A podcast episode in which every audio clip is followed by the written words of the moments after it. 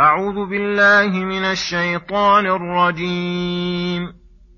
يسألك الناس عن الساعة قل إنما علمها عند الله وما يدريك لعل الساعة تكون قريبا.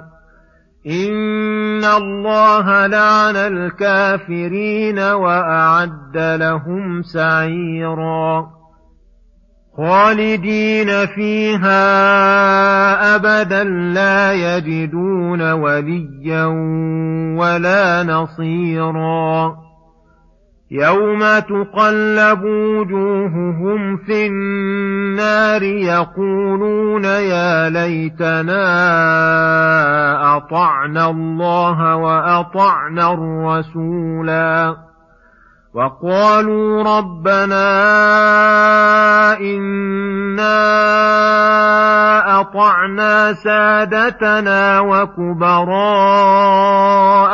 فاضلونا السبيلا. ربنا آتهم ضعفين من العذاب والعنهم لعنا كبيرا. يا ايها الذين امنوا لا تكونوا كالذين اذوا موسى فبراه الله مما قالوا وكان عند الله وجيها يا ايها الذين امنوا اتقوا الله وقولوا قولا سديدا. يصلح لكم أعمالكم ويغفر لكم ذنوبكم. ومن يطع الله ورسوله فقد فاز فوزا عظيما. إنا عرضنا الأمانة على السماوات والأرض والجبال فأبين أن يحملنها فأبين أن يحملنها وأشفقن منها وحملها الإنسان إنه كان ظلوما جهولا ليعذب الله المنافقين والمنافقات والمشركين والمشركات ويتوب الله على المؤمنين والمؤمنات وكان الله غفورا رحيما. بسم الله الرحمن الرحيم. السلام عليكم ورحمة الله وبركاته. يقول الله سبحانه يسألك الناس عن الساعة قل إنما علمها عند الله. الآيات. أي يستخبرك الناس عن الساعة استعجالا لها وبعضهم تكذيبا لوقوعها وتعجيزا للذي أخبر بها. قل لهم إنما علمها عند الله أي لا يعلمها إلا الله فليس لي ولا لغيري بها علم. ومع هذا فلا فلا تستبطئها. وما يدريك لعل الساعة تكون قريبا. ومجرد مجيء الساعة قربا وبعدا ليس تحته نتيجة ولا فائدة. وإنما النتيجة والخسار والربح والشقاوة والسعادة هل يستحق العبد العذاب أو يستحق الثواب؟ فهذه سأخبركم بها وأصف لكم مستحقها. فوصف مستحق العذاب ووصف العذاب لأن الوصف المذكور منطبق على هؤلاء المكذبين بالساعة فقال إن الله لعن الكافرين أي الذين صار الكفر دأبهم وطريقتهم الكفر بالله وبرسله وبما جاءوا به من عند الله فأبعدهم الله في الدنيا والآخرة من رحمته وكفى بذلك عقابا وأعد لهم سعيرا أي نارا موقدة تسعر في أجسامهم ويبلغ العذاب إلى أفئدتهم ويخلدون في ذلك العذاب الشديد فلا يخرجون منه ولا يفتر عنهم ساعة ولا يجدون لهم وليا فيعطيهم ما طلبوه ولا نصيرا يدفع عنهم العذاب بل قد تخلى عنهم النصير وأحاط بهم عذاب السعير وبلغ منهم مبلغا عظيما ولهذا قال يوم تقلب وجوههم في النار فيذوقون حرها ويشتد عليهم أمرها ويتحسرون على ما أسلفوا يقولون يا ليتنا أطعنا الله وأطعنا الرسول فسلمنا من هذا العذاب واستحققنا كالمطيعين جزيل الثواب ولكن أمنية فات وقتها فلم تفدهم إلا حسرة وندما وهما وغما وألما وقالوا ربنا إنا أطعنا سادتنا وكبراءنا وقلدناهم على ضلالهم فاضلونا السبيل كقوله تعالى ويوم يعض الظالم على يديه يقول يا ليتني اتخذت مع الرسول سبيلا يا ويلتى ليتني لم أتخذ فلانا خليلا لقد أضلني عن الذكر الآية ولما علموا أنهم وكبراءهم مستحقون للعقاب أرادوا أن يشتفوا ممن أضلوهم فقالوا ربنا آتهم ضعفين من العذاب والعنهم لعنا كبيرا.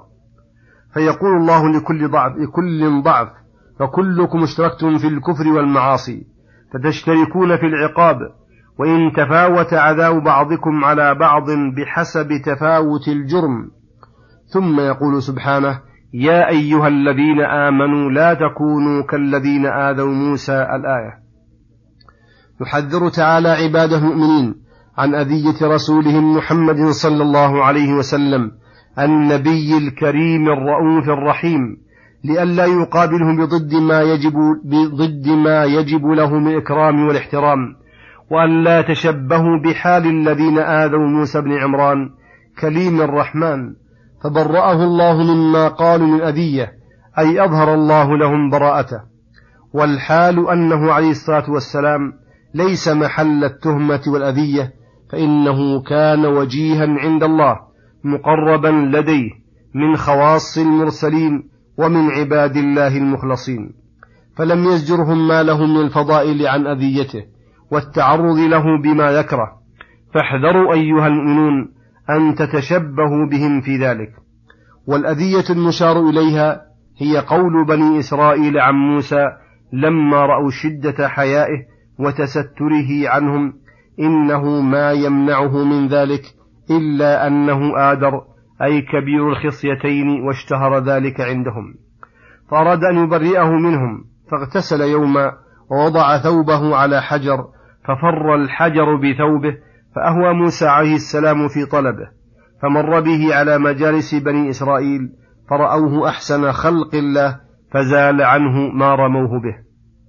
ثم يقول تعالى يا أيها الذين آمنوا اتقوا الله وقولوا قولا سديدا.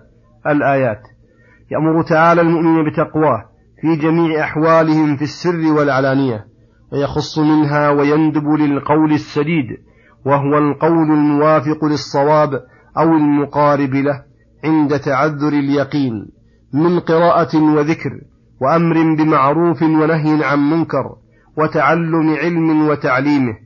والحرص على إصابة الصواب في المسائل العلمية وسلوك كل طريق يوصل لذلك وكل وسيلة تعين عليه.